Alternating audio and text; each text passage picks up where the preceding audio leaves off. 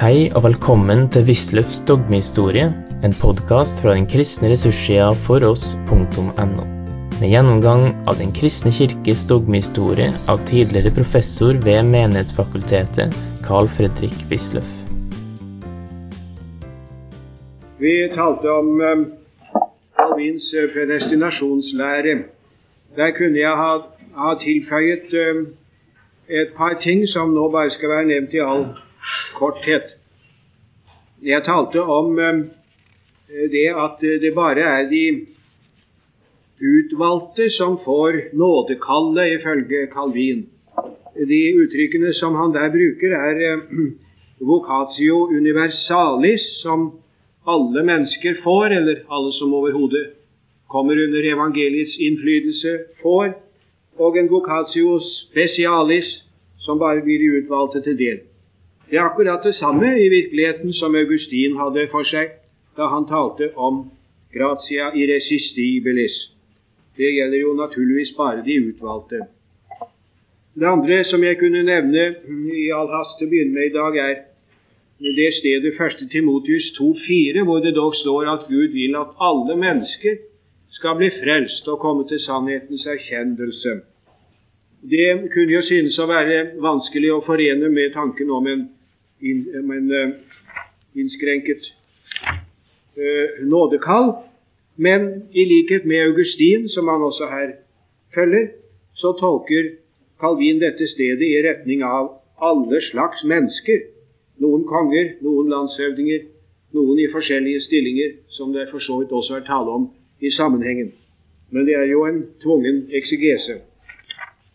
Ellers så var vi begynt på å tale om sakramentene sist, og uh, vi skal fortsette hvor vi, der, hvor vi der slapp. Jeg understrekte da den fundamentale forskjell mellom Calvin og Luther, mellom den kalvinistiske reformerte kirke og den lutherske kirke, at vi i vår kirke eh, forstår det slik at Gud gir oss nåden gjennom sakramentene, og at den nåden tilbys alle som tas imot i troen, og at det er en alvorlig ment nådetilbud til alle. Mens Calvin og kalvinismen derimot ser det som to parallelle akter. Eh, Gud gir oss sakramentene, men han gir oss nåden likesom ved siden av, på en måte. Og nåden, den kommer da bare de utvalgte til del. Dåpen er det tegn ved hvilket vi blir tatt inn i Kirkens fellesskap. Eh, også her kan, det, kan Calvin bruke uttrykk som er mye sterkere enn de som Zwingli brukte. Han likte ikke Zwinglis teologi og har ofte kritisert den. Eh, Gud tilbyr syndenes forlatelse og en ny fødsel i dåpen, sier han. Eh, det gjør Gud også med ordet, men dåpen er et seil og en bekreftelse på at gavene er gitt. Og I Genévekatekismen står det endog derfor er det sikkert at syndenes forlatelse blir budt oss i dåpen, og der tar vi imot den. Det høres jo rent luthersk ut, men vi skal være oppmerksom på at vi er da de utvalgte. Og vi skal være oppmerksom på denne parallellitet liksom i, i, i handlingssettet. Eh, sakramentet kommer til oss alle sammen, men kommer, nåden kommer ikke gjennom sakramentet, sånn som lutheranerne tenker, men i en tilsynelatende parallell handling. Barna skal døpes, ikke for at de skal bli Guds barn i dåpen, vel å merke, men for at de ved utvortes tegn skal bli opptatt i Kirken. Der er jo forskjellen veldig stor fra den lutherske posisjon, som går ut på at barna blir tatt til nåde, blir gjort til Guds barn i dåpen. Eh, men eh, Calvin tenker, i likhet med Zwingli, at de troendes barn på forhånd er Guds barn i kraft av løftet om at Gud vil velsigne de troende og deres ett. Og Derfor er nøddåp ganske overflødig som lutheranerne har lagt en viss vekt på. Ganske visst mente Luther ikke, som det somme tider blir sagt, og heller ikke den bekjennelse mener, at udøpte barn går fortapt. Men Gud har bundet oss til nådens midler, og vi skal derfor bruke dem.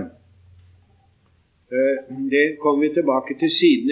Jeg, peker for øvrig om den sak på min artikkel for få år siden, 58, 68 var det vel, om udøpte barns skjebne i TTK.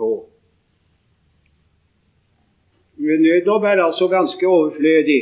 Det er bare pastorer som kan døpe. En kvinne må ikke døpe. Anger og tro kreves før dåpen, men den kan jo ikke kreves av barn. Når det gjelder barna, er det tilstrekkelig at de senere viser frukten av sin dåp når de kommer til skjellsår og alder. Og Ellers så har dåpen en blivende betydning for oss, sier Calvin, for den minner oss gjennom hele vårt liv om vår døde oppstandelse i Kristus. Altså tilsynelatende en langt sterkere betoning av dåpen som sakrament enn oppsvingelig, i virkeligheten en fundamental forskjell i grunnen ifra det lutherske allikevel.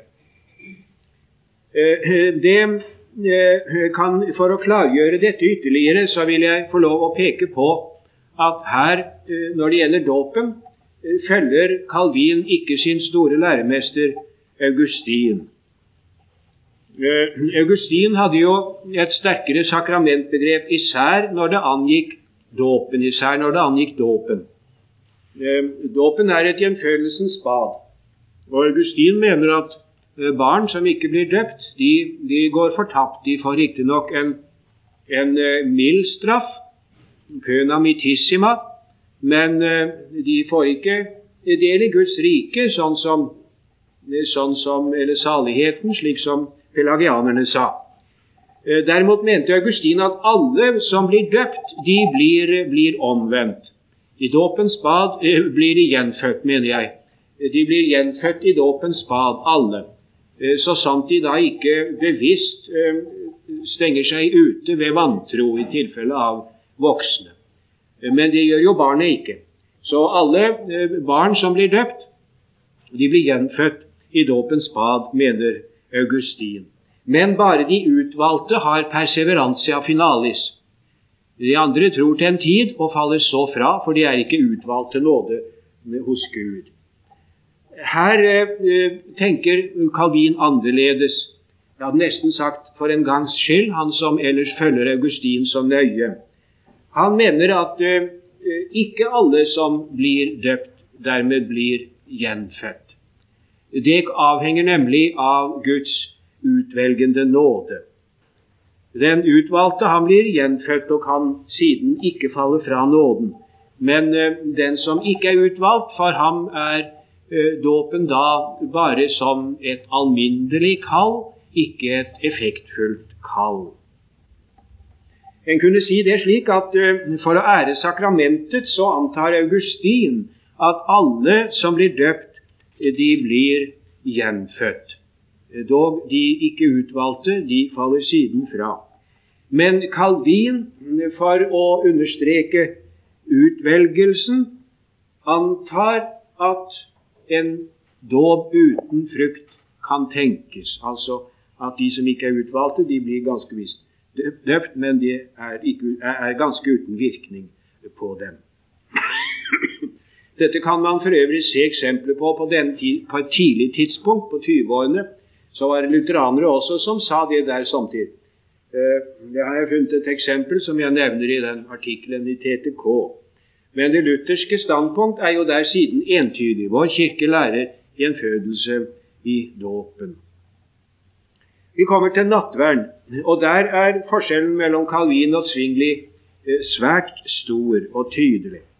Og eh, Man eh, kan hos Calvin finne uttrykk og avsnitt som er så realistiske at i sin tro på sakramentets virkning at man kunne tro de kunne ha stått hos, hos Luther. Jeg må få lov til å si det sånn at første gang jeg leste Calvin, første gang jeg leste Institutio, da trodde jeg ikke mine egne øyne. For jeg hadde jo lest i alle lærebøker om Calvins uh, uh, nattverdlære at den var uh, symbolsk, og jeg hadde fått inntrykk av at den ikke var så gruelig forskjellig ifra Svingli. Og så leste jeg altså sånt noe som det jeg har sitert her. Dico igetur in køna, mysterio per symbola, symbola panis et vini Christum vere vere nobis exhiberi adioque corpus et sanguinem eius.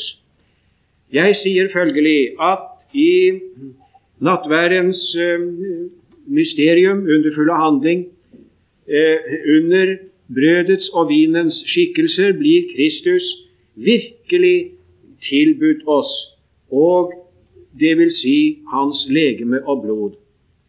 Ja, man kan endog si at Kristi legeme og blod blir ikke mindre sant gitt til de uverdige enn til Guds utvalgte troende. Man, man tar seg til hodet og spør hva i verden er dette, første gang man virkelig leser Calvin. Men så viser det seg jo igjen da ved nærmere eftersyn at forskjellen fra det lutherske standpunkt faktisk er meget stor. Og Der vil jeg peke på det som jeg har skrevet her i punkt 7 på side 130. Jeg anser det for å være svært viktig. En kan si at uh, Calvins sakramentlære, og i særdeleshet hans uh, nattverdlære, den er en konsekvens av for det første hans kristologi, og dernest, og især, vil jeg si, hans pneumatologi, hans lære om Ånden. Jeg mener dette er veldig viktig. Eh, det er jo slik med hensyn til kristologien, det har vi før sett, at Calvin eh, liksom mer står på den nestorianske siden, kan man fristes til å tenke. Han holder den guddommelige og den menneskelige natur i Kristi person ut fra hverandre med stor nidkjærhet. Jeg sier ikke at han er nestorianer, det er han absolutt ikke. Han garderer seg alltid. Men drivet i tankegangen går den veien like sikkert som det hos Luther og i den ortodokse lutherdom er et visst driv i retning av den aleksandrinske kristologi. Satt på spissen, lutheranerne eh, ser det guddommelige og det menneskelige i Kristi person mest mulig sammen konfererer Luthers uh, ubiquitetslære, mens kalvinistene holder de ut fra hverandre, dog i personens enhet.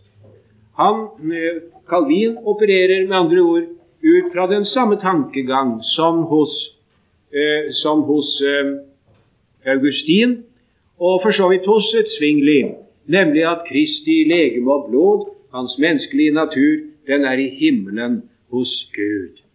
Er den ikke det, sier han, så er det ikke et legeme, men et fantasma. Så han kan ikke følge denne eh, ubiquitetslæren til lutheranerne. Den tar han uttrykkelig avstand ifra. Hvordan gjør han da for å få til dette at Kristi legeme og blod blir gitt oss, som han jo faktisk sier med uttrykk som kan være temmelig sterke?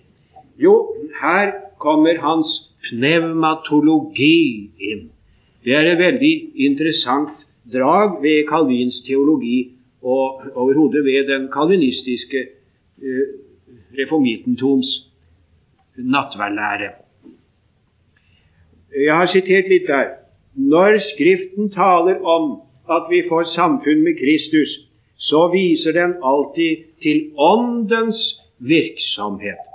Det er alltid Ånden, sier Calvin, som forbinder oss med Kristus. Og det overfører han da også til, eh, til uh, nattverdlæren. Kristi legeme og blod er i himmelen, det er ganske sant. Men Den hellige ånd har denne underfulle makt at den kan likesom overvinne avstand i rom. Ta det tredje sitat, siste sitatet der under punkt 7.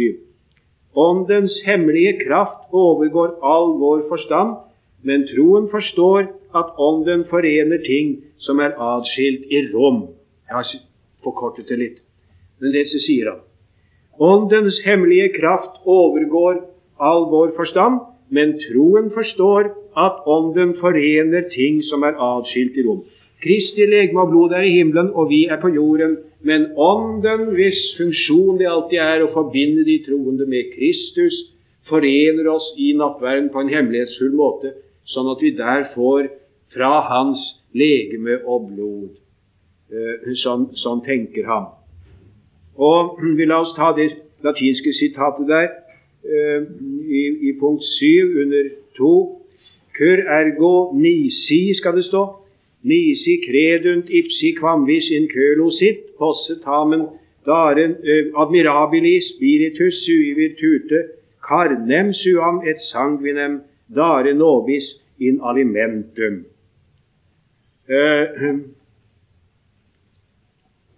uh, hvorfor tror de ikke at like visst som han er i himmelen, så kan dog uh, hans så kan dog hans legeme og blod Dari skal det stå. Dari. Dari. Så kan dog hans legeme og blod ved Åndens eh, vidunderlige makt gives oss til føde, til alimentum. Hvorfor tror de ikke at like visst Han vender seg altså imot dem som i likhet med Svingli vil eh, redusere det til et rent symbol, eh, og sier cur ergo nisi credunt ipsi quamvis in culo sit posse tamen admirabili spiritus syver tute carnem suamet sanguinem dari. Ellers er det jo uforståelig. Dari novis in alimentum. Like sikkert som han er i himmelen, så kan allikevel hans legeme og blod gives oss til føde ved åndens eh, ved Hans ånds eh, eh underfulle makt. Altså, Dette er ganske, ganske viktig. Og La oss nå prøve å ta et lite overblikk over dette igjen for å få full klarhet. Hvordan løser man her uh, på denne tid, og i det hele tatt uh, i kristenheten, dogmehistorisk sett, hvordan løser man dette problemet? Kristus er i himmelen hos Gud. Han sitter ved Faderens høyre hånd etter sin menneskelige natur. Hvordan kan man vi da si dette er Kristi legeme, dette er Kristi blod. Hvordan har kristenheten løst dette problem? Jo, katolikkene sier ved et skapende under, ved transubstansiasjon. Han er i himmelen og ikke på jorden, men Gud, han, han skaper. Han gjør det under at brød og vinen blir forvandlet. Så er ikke brød og vin lenger. Det ser bare ut sånn. Aksidensene er der. Men det er Kristi legeme og blod. Det er en forklaring. Svingli sier eh, uttrykket er symbolsk. Vi sier at han, dette er Jesu legeme og blod fordi det er et bilde av det. Eh, est er lik signifikat, hvilket Luther blankt benekter, endog filosofisk, på filosofisk grunn, eh, semantisk grunn. Å være kan ikke bety, bety Det er helt umulig. Det som er, det er. Derimot, jeg nevnte det for dem, vintreet, døren Du kan da ikke si at han er en dør, sa Ekolampadius. Jo, Gud være lovet, sa Luther, det kan jeg. Han er det. Hvordan skulle vi ellers komme inn til Faderen? Det Han er en dør, men det er dør, vintre osv. som er einoi vart. Det er et ord her som brukes i overført betydning, men det er ikke er. Det er umulig, semantisk umulig. Men det er substantivet brukes i overført betydning, eh, sier han. Altså katolikkene sier ved et skapende under. Svingli sier ved en talefigur. Det er symbolsk å forstå. Calvin sier ved åndens virksomhet. Og Derfor så skulle vi ikke si om Calvins nattverdlære at den er symbolsk. Det skulle vi, Uttrykket skulle vi reservere for Zwingli. Han har et symbolsk begrep. Vi skulle si et spiritualistisk begrep, for det er Ånden som her kommer inn.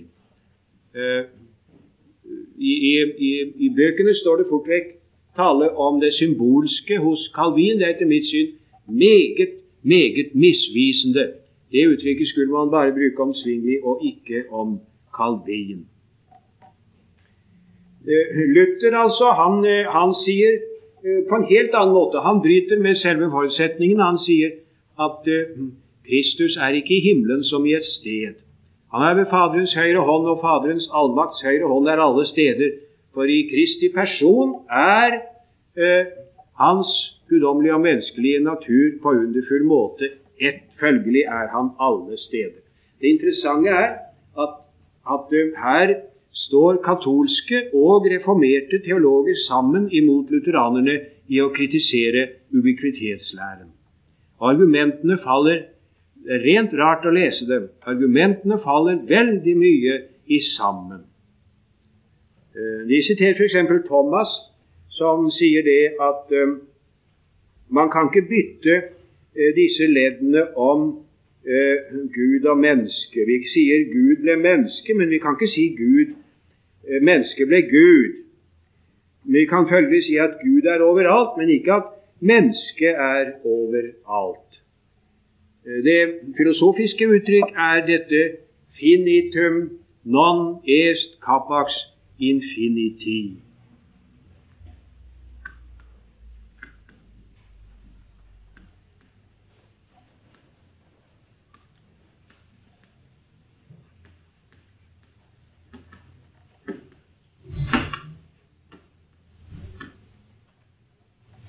Det endelige kan ikke romme det uendelige. Jo, svarer lutheranere, in Christo, in Christo, finitum capax est, osv. Så sånn, sånn deler man på dette. Eh, om den frembyr da altså virkelig Kristi legeme og blod eh, til oss. Vi får det som en usynlig føde fra Kristi legeme og blod, står det samtidig hos ham. Eh, men, men, menneskene får ikke mer med seg fra sakramentet enn de kan bære i troens kar. Og de vantro de får da ikke Kristi legeme og blod. Det blir riktignok tilbudt dem, men merk det bildet som er brukt her. Det er veldig karakteristisk for Calvin. Regnet flommer utover klippen, sier han, så den blir ganske våt, men regnet trenger ikke inn i klippen, for, for det kan den ikke, for klippen er hår. Sånn er det også med de vantro de får all nådens strøm, en vantro som går til Herrens bord. Men det er som regnet, det kommer ikke inn i klippen. Og her vantroen eh, tar, det, tar, det, bort. Ikke eh, Det er av klippens hårhet, sier han. Eh, altså Her taler man gjerne også i dogmehistorien om det såkalte ekstra kalvinistikum. Det spiller en betraktelig rolle i, i dogmatikken, for så vidt. Ekstra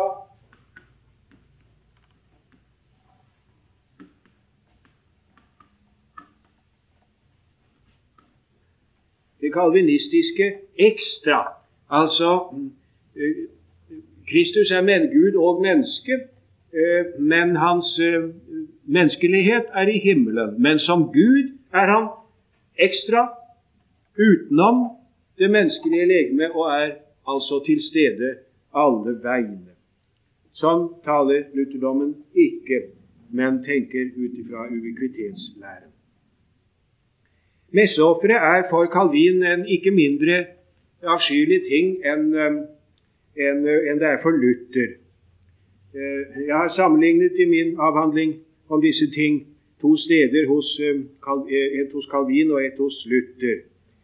Eh, Calvin han eh, har et skrift hvor han eh, gjør narr av eller kritiserer en katolske prestes handling, der han står og bærer liksom Det er tanken Kristi legeme og blod frem for Gud som et offer. Det er jo messeoffertanken, nemlig ikke at vi ofrer oss, for det er ikke noe å innvende imot, men at Kristi legeme og blod i sakramentet på en eller annen måte bringes Gud som offer. Det er det anstøteligheter, evangelisk betraktning. Og Calvin skriver da om dette, og så sier han den guden som ille prestigiator, denne gjøgleren, står med der, den kommer ikke fra himmelen, men den kommer fra mølla. Altså, det er jo bare brød. Altså Helt koldt og logisk så analyserer han dette og reduserer det inn absurdum. Men Luther, i von der Pfaffenweie, vinkel med sånn Pfaffenweie, der bryter det på dypere vann. For han tror nemlig at Kristi legeme og blod er i brødet og vinen. Og så står presten her og vil bære det frem for Gud, det er en tanke så redselsfull at det svimler for ham. Eh, det er ikke ulogisk for Luther i første rekke, det er det vel også, sånn som for Calvin. Men det er, det, det er anstøtelig, det er blasfemisk, det er redselsfullt. Og det blir så ille for ham at han etter en del overveielse frem og tilbake bestemmer seg for den tanke at det, det kan ikke være Kristi legeme og blod. Det, det kan simpelthen ikke være mulig at Gud kan tillate noe så grusomt. Så det han står med der, er nok til syvende og sist i det tilfellet bare brødet og vinen, sier han i von der Winkel med sånn paffenvariet. Og så tar han det tilbake, for han syns det er fælt, det òg, å tenke seg at det ikke skulle være en realitet i alterets sakrament, i brødet og vinen. Man ser hvor forskjellig de to tenker om dette.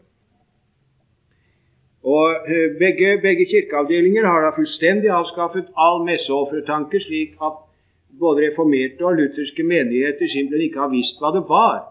De har simpelthen ikke visst hva det var. Og eh, vet det jo for så vidt ikke i dag heller. Man treffer teologer som burde vite bedre, som ikke vet hva messeoffertanken egentlig er. Hele forestillingen er komplett utradert av den, den protestantiske kirkes, både luthersk og reformert, deres bevissthet ved reformasjonstiden. Eh, så forkaster de jo da mye annet også, eh, på samme måten som Luther, men med større, eh, større konsekvens. Det er jo kjent nok. Fasteforskrifter, fasteforskrifter, valgfart, messer for levende og døde, helgen påkallelse, munkevesen, fem av de syv sakramenter og tanken om en skjærsild. Dette med skjærsilden det gjorde ikke Luther riktig opp med før i 1530. Han har åpenbart ikke trodd noe på det meget lenge. I all stillhet, later det til, har han ment at skjærsilden, det er anfektelsen. Og For øvrig så brøt de jo da, eh, de reformerte, som vi vet, eh, alteret ut og kastet bilder ut og gjorde de gamle kirkene ganske nakne, sånn at vi, når vi kommer i, uh, i en reformert kirke, en gammel som i Sveits f.eks., eller Holland kommer i en gammel reformert kirke, middelalderkirke, så syns vi på en eller annen måte at den er, virker så forunderlig tom. Oppi alteret er det ingenting. De har kanskje stablet opp noen stoler eller lagret noe greier der. Det syns vi da er så veldig tomt og rart. Hos oss i Norge må vi være klar over var det ikke mye av um, den slags ikonoklasme. Det er en del, en del, men tenk hva vi har bevaret allikevel av kirkekunst fra før reformasjonen i vårt land. Det gjelder Calvins statstanker. Eh, der eh, Eh, vil jeg særlig understreke det som jeg har anført øverst på side 131. Eh, man bør ikke tale om teokrati i forbindelse med Calvin. Stadig vekk så kommer dette eh, teokrati i forbindelse med Calvin. Det er, er, flere av dem som har skrevet om Calvins teologi det senere, som har reagert imot det der, og etter min mening med rette. Der er jo hos oss til og med falt ut et ikke i annen annen linje. Det skulle altså stå, uh, mente jeg, man bør ikke tale om et teokrati. det viser seg på mange måter det, for uh, han hadde ikke på langt nær så mye å si i Genéve som man tror. Han hadde mang en dyst å bestå med den verslige øvrighet. Han måtte vise frem bøkene sine for å få dem godkjent til trykning. Og han ble ikke borger i Genéve før i slutten av 50-årene. Det er faktisk så. Nei, han hadde mange vanskeligheter å slåss med i så måte. Og han fikk slett ikke sin vilje igjennom bestandig heller. I den teologiske teori så skjelner han nøye mellom Kirken og den verslige øvrighet. Og i særdeleshet er han veldig nøye på at ikke den verslige øvrighet skal ha noe med kirketukten å gjøre en berømt historie med en uh, Bertelier som hadde, var blitt um, ekskommunisert pga. sin syndige ferd av um, uh, konsistoriet, altså av kirken i Genéve. Så vendte han seg til uh, jur, til den verslige øvrighet, som sa at det er ok, det der var gyldig, han kan gå til alters når han vil. Og Da inntraff en av disse berømte episoder hvor Calvin prekte og sa til slutt at uh, hvis noen som er under Kirkens bann, drister seg til å komme frem til Herrens bord, så skal jeg vite å gjøre min plikt. Og så gikk han dødsstille i kirken. Alle visste jo at det var. Uh, det bodde ikke mer enn 20 000 mennesker i Genéve. Det er ikke mer enn en rimelig bymenighet i Oslo i dag. Man hadde greie på alt som foregikk. Dødsstille i kirken gikk han langsomt ned av prekestolen og tok plass ved nattverdbordet, som jo var et bord som de har. Og Bertelie våget ikke å komme frem.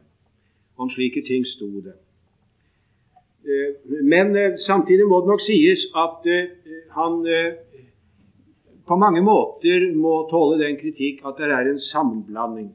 Det spørres bare om ikke det har med den ting å gjøre at Calvin, i likhet med Zwingli og Luther, stadig holder på Corpus Christianum, samfunnet som en Corpus Christianum. Calvin var nemlig helt igjennom folkekirkelig, akkurat som Zwingli og Luther. De visste nok at Kirken er å forstå ut fra Johannes 10, 27. Mine får høre min røst, og jeg kjenner dem, og de følger meg. Det sier de alle sammen.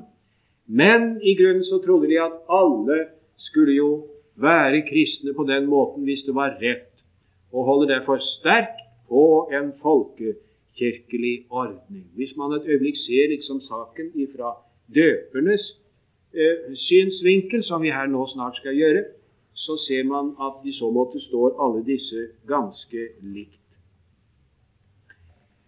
Eh, og da, da, er man jo opp imot vanskeligheter. Det er ikke til å komme ifra det. Det var et, på mange måter mye terror i Genéve. Det var mange henrettelser og mye forfølgelse. Det var det, men det var andre steder òg. Og vil noen se hvordan det var i Danmark og Norge, så skal de bare ta og lese Troels Lund, 'Daglig liv i Norden', eh, i det 16. århundret. Det er jo en, for, en kjempemessig sak i fire voldsomt kolossale bind. Men eh, det lønner seg. Eh, jeg anbefaler herved Troels Lund at de kikker litt her og der, i hvert fall. Så skal vi få se hvordan øvrigheten blander seg opp i likt og ulikt også hos oss, og med en kristelig eh, begrunnelse. Vi kommer da til Max Webers berømte tese. Den, behersker fremstillingen i Holmquist Nørregård, og for øvrig i svært mange andre bøker også, og går i korthet ut på det at eh, uh, Jeg har skrevet det her lite grann. Uh, at kalvinismen, og særlig den engelske puritanisme, er hovedkilden til den kapitalistiske åndsholdning. Borgerskapets ledende kapitalister var protestanter. Det var en plikt å tjene penger. Penger skulle ikke brukes i luksus. Innerveltliche askese taler han om. Og dette her skal ha sin grunn i Calvins syn på kallet. Mennesket skal ære Gud i og ved sitt jordiske kall. Og vissheten om å være utvalgt, den bekreftes i en derved at man ser det lykkes for dem. Til Guds ære skal man arbeide og ha profitt og samle penger. Eh, og Det heter jo, jeg tror det står et sted hos Holmquist Nørgaard, at den moderne kapitalisme har to røtter. Den ene er den jødiske getto, den annen er det eh, kalvinske eh, Genéve. Til min store glede har jeg oppdaget at den eh, nye svenske boken av Göransson her hevder et helt annet syn, heldigvis. Det har reist seg en betraktelig, en betraktelig reaksjon imot denne historiske dom som ligger i dette, eller bedømmelse. Faktum er at Calvin har skrevet mindre om økonomiske spørsmål enn Luther. Og Faktum er videre at de ligner hverandre når det gjelder økonomiske spørsmål omtrent som to egg. Eh, begge snakker om at Moseloven, som forbyr å ta renter Det er jo ikke lov etter Moseloven, eh, hvilket forvirret kristenheten jo i mange hundre år. Hva skal man gjøre med det? Eh, det gjelder eh, jødene og ikke oss, og følgelig så er vi strengt tatt ikke forbudt å ta renter. Og de kristne skal holde lovene i det land som de bor i, heter det, og så må en ikke kreve renter av fattige, og ikke ta mer enn 5% rente. Så skal en kristen ikke tenke på vinning, men på å leve et kristelig liv. Enhver burde jo forstå at dette er ikke sosialetisk teori, det er preken. Det er rett og slett kristelig preken, formaning til mennesker som forutsetningsvis er eller må og bør være gode kristne, om å stelle seg rett med sine penger. Eh, Calvins tanker om økonomiske saker var konservative. Det er det eh, især en amerikansk forfatter, Haima, som har påvist, etter min mening, helt overbevisende det er ikke noe nytt egentlig der. Han reproduserer i likhet med Luther det som bra, fornuftige teologer har, har pleid å si. Det er bare det leie med det at når det står å lese hos en av disse åndsgiganter, så tror folk at det er nytt. Det er ikke det. Uh, han var konservativ, uh, og, den, uh, og, han forsøker å, å preke bibelsk kristelig. Og den etikk vi møter i Calvins skrifter, er meget fjern fra kapitalismen og vinne penger for pengenes skyld, faktisk. Og videre, den samme amerikaneren Haima han har jo tatt en del historiske trekk inn i bildet. Det var to land som var, eh, som var eh, kalvinistiske. Det var Ungarn en tid, men så ble de jo slått ned. Og så var det Skottland, som er det mest kalvinistiske land i Europa. Det mest kalvinistiske land som har vært. Og det var lus fattig og lå tilbake i økonomisk utvikling særdeles lenge. Det kan ikke sies at uh, kalvinismen i Skottland har ført til noe i retning av den kapitalistiske geist. Og den økonomiske fremgang i Frankrike den begynte etter at hugenottene var jaget ut. Eh, man skal ikke si det var fordi hugenottene ble jaget ut, selvfølgelig ikke, men av forskjellige grunner så begynte den etterpå. Og at hugenottene ble driftige forretningsmenn der hvor de kom, det skyldes en lignende omstendighet som førte til at jødene ble driftige forretningsfolk der hvor de kom. For hva skal folk stelle med da når de blir jaget over grensen, eller kanskje endog må flykte over grensen med fare for sitt liv, sånn som hugenottene? Det var jo de som ble grepet under fluktforsøk, ble jo prompte slått i hjel fikk ikke kunne bli gravd engang etter 1685. Flyktet med livet i hendene. Hva skal de ta seg til der hvor de kommer? De måttet efterlate alt de hadde. Ja, det blir å forsøke å slå seg på handel eller på eh, det, det frie ervervsliv overhodet. Leger hvis man kunstnere, vitenskapsmenn hvis man har forutsetninger. Det er bare sånt de da kan slå seg på. Akkurat som med jødene. Merkeligere er det i virkeligheten ikke. Og Da Edvard 6.s protestantiske rådgivere fikk makten etter Henrik 8.s død, så eh, avskaffet de lov, en lov som han hadde gitt. Han hadde tillatt at man kunne ta opptil 10 rente. Men disse herre som da fikk makten i, under den mindreårige Edvard 6., de var kalvinister og sa det der er ugudelig, og så avskaffet de den loven. Uh, og Om vi nå tar Richard Baxter på 1600-tallet, en puritaner, så hevder han eh, ikke et sosialistisk, men et sosialetisk syn, skulle stå der, som er avgjort konservativ. It is not lawful to take up or to keep up any oppressing monopoly or, or trade, which tends to enrich you by the loss of the commonwealth of any, står det der. Eh, å holde varer tilbake i håp om stigende priser er forkastelig, sier Baxter. Og den som røver negre for å selge dem som slaver, er å anse som the common enemy of mankind. Og sånn sier også uh, Bunyan i The Life and Death of Mr. Badman. Uh, dette er nå ganske greit på det rene, uh, i virkeligheten det. Jeg tror det kan være noe i det som H.M. Robertson sier, og som jeg har antydet at Webers tese er riktig hvis man snur den om. Det var kapitalismen som forandret kalvinismen, ikke kalvinismen som skapte kapitalismen. Det er det grunn til å tro at det er mye riktig i det. Det er senere at uh, den uh, kapitalistiske tendensen kommer. Det er innen en sekularisert kalvinisme på slutten av 1600-tallet og på 1700-tallet, og i særdeleshet på 1800-tallet. Max Weber han kan jo f.eks. meget slående sitere hele ting, vil vi helst si, fra amerikanske storkapitalister som resonnerer altså slik kvasigudfryktig. Tenker på Rockefeller, for å ta et eksempel. Det er en gud behagelig gjerning å tjene mange penger, og så kanskje ikke bruke noe større på seg selv en gang man skal være ytterst forsommelig. Selv ikke bruke noen ting, ikke tillate seg noen uh, forlystelser, men, men ustanselig tjene penger og bli søkkrik. Og, og det er da, Der kan man tale om de innerveltliche askese men ikke på 1500-tallets og mesteparten av 1600-tallets eh, reformerte kristne. Slik sier man nå, og det tror jeg nok er den riktige betraktning. Det var etter revolusjonen i 1688, da de økonomiske ideer ble berøvet sitt religiøse innhold, er det en som har sagt, og det tror jeg nok er, er mye, mye riktig i. Eh, hans statslære eh, I den forbindelse er det også grunn til å nevne den berømte historien med Servete, som ble brent fordi han hadde lært eh, galt om Kristi guddom. Han ble brent i 1553.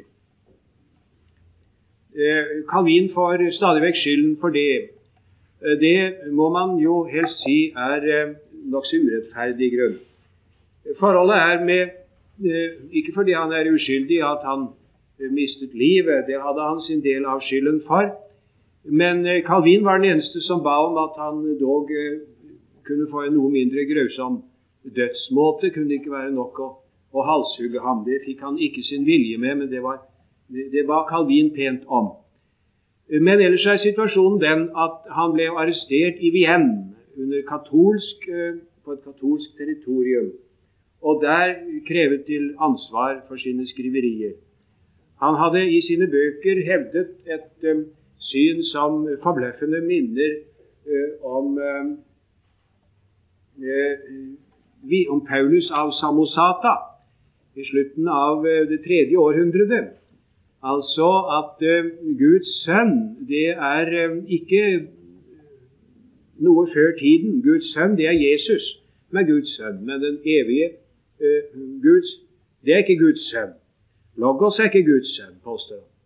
Og Jesus fra Nasaret han var Guds sønn på den måten at Gud bodde i ham. Ikke en egen hypostase, som vi kaller Sønnen, og som var ett med Faderen og med Den hellige ånd fra evighet til evighet, men var Gud selv, Gud selv som kom med sin kraft og bodde i ham. Allerede samtiden syns det minte så aldeles utrolig om denne for lengst fordømte kjetteri hos Paulus av Samosata. Så rømte han fra Wien og uh, tok sin tilflukt til Genéve, og det er og forblir en gåte hvorfor han gjorde det. Uh, det er uh, mange teorier om. Jeg tror vi skal konkludere og si at vi vet det ikke ikke. Beinton er den siste som har behandlet dette inngående vitenskapelig i boken 'Hunted Heretic'. Han sier vi vet det ikke og forstår det ikke. Men det gjorde han da. Og Der ble han arrestert, og der ble han omsider brent. Katolikkene ba inntrengende om å få utlevert ham, sånn at de kunne få brenne ham, og Melanchthon skrev et gratulasjonsbrev og takket for denne gudfryktige handling at de hadde brent servet. Ingen av oss har noen verdens ting å si. Du har nå hørt Wisløffs dogmehistorie. Finn flere ressurser og vær gjerne med å støtte oss på foross.no. Følg også gjerne noen av våre andre podkaster, f.eks. Table Talks.